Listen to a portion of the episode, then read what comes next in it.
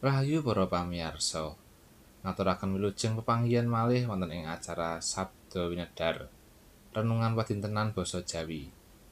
Kados adat sabenipun, sumangga saderengipun kita maos pangandikanipun Gusti, kita ndedonga langkung rumiyin. Pangeran Gusti Allah kawula ingkang dampar wonten ing kraton swarga mulya.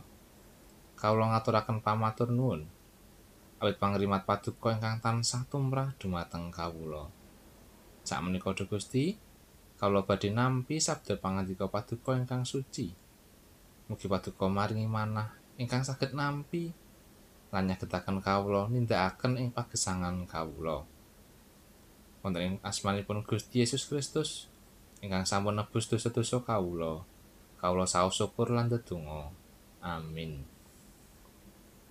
Para pamirsa, Waosan dinten menika kapundhut saking Injil Lukas bab 6 ayat 12 ngantos 19. Lukas bab 6 ayatipun 12 ngantos 19 kita waos sesarengan. Kacarita ing nalika semono Gusti Yesus minggah ing gunung Dedonga nganti sawengi atas anggone Dedonga. Bareng wis raina, para sakabate padha ditimbali. Banjur dipilih rolas kang padha dijenengake rasul yaiku Simon. Kang uga diparingi jeneng Petrus lan Andreas sedulure Simon Yakobus lan Yohanan Filipus lan Bartolomeus Matius lan Thomas Yakobus anake Alfeus lan Simon kang karan wong Zelot Yudas anake Yakobus lan Yudas Iskariot kang ing tembe laku cidra. Sakwise iku Gusti Yesus banjur mandhap kadherekake dening para sakabate. Tumuli kendel ana ing sawijining papan kang rata. Akeh banget wong kang banjur padha nglumpuk ana ing kono. Para sakabat lan wong liyane kang teka saka ing tanah Yudea kabeh lan saka ing Yerusalem sarta saka ing tanah pesisir Tirus lan Sidon. Anggone padha marana iku arep ngrungokake pangandikane lan supaya kawarasake lelarane. Apa dene wong-wong kang kasurupan ing roh reget iya padha kawarasake lan wong akeh iku mau kabeh padha mbudidaya bisane demek panjenengane. Awit banjur ana daya kang metu saka ing panjenengane temah kabeh padha diwarasake. Makaten pangandikanipun Gusti. Ayat nas kabundut saking ayat kalih welas. Kacarita ing nalika semono Gusti Yesus minggah ing gunung Dedunga nganti sawengi atas anggone ndedonga. Para sederek, renungan dinten menika kaparingan jejer ndedonga rumiyin. Gusti Yesus ngersakaken miji tiyang cacah kalih welas ingkang salajengipun sinebat rasul.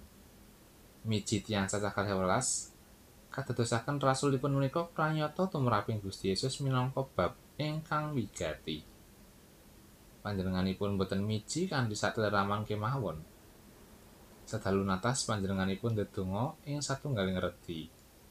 Boten mangertos ingkang kaunjuraken ing salebeting panjenenganipun, nanging ingkang baken panjenenganipun ndedonga sedalu natas kangge miji tiang-tiang ingkang tinanggenah dados rasulipun. Menika sedaya menatelakaken bilih jesiban timbalan saking Gusti Allah menika wigati. Sasampunipun ndedonga sedalu natas, Gusti Yesus miwit miji tiyang cacah kalih welas. Tiang-tiang menika sanes saking golongan tiang pinter, namung prasaja kemawon. Wonten tiang ingkang saking golonganing juru ame ulam. Wonten ingkang juru mupu beo. Wonten ingkang grengseng karohanipun makantar-kantar ugi wonten ingkang grengseng nasionalismenipun tinggi utawi inggil. Nanging tiang-tiang menika lajeng sami dados pinter lan ngedapi-dapi tandang peladosanipun krana sih rahmatipun Gusti Allah. Sasampunipun piniji, Gusti Yesus ngajak para rasul menika manggi tiang kathah ingkang sami kepengin mirengaken piwulangipun. Nyuwun kasarasaken, nyuwun pangeluaran saking belenggunipun iblis lan kepengin ngepok jubahipun Gusti Yesus. Krana wonten panguwaos ingkang wedal saking dirinipun. Gusti Yesus ing ngriki kersa mulang dhateng para rasulipun ingkang nembe kemawon kapiji ing bab sibahan lan tanggung jawab ingkang kedah dipun emban.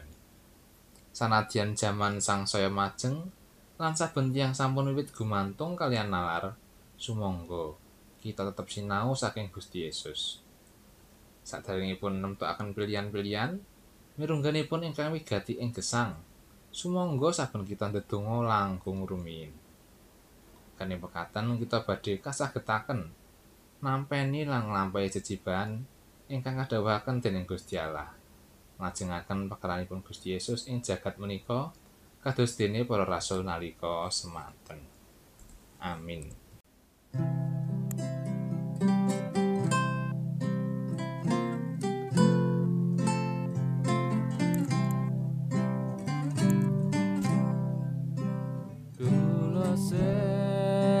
Derek Gusti kan sumarang panutan. Tetap setia tukang janji dan wike karibetan. Donya waku cok khawatir Kusitane makin sir. Tuturi salaminya ing satinda e Gusti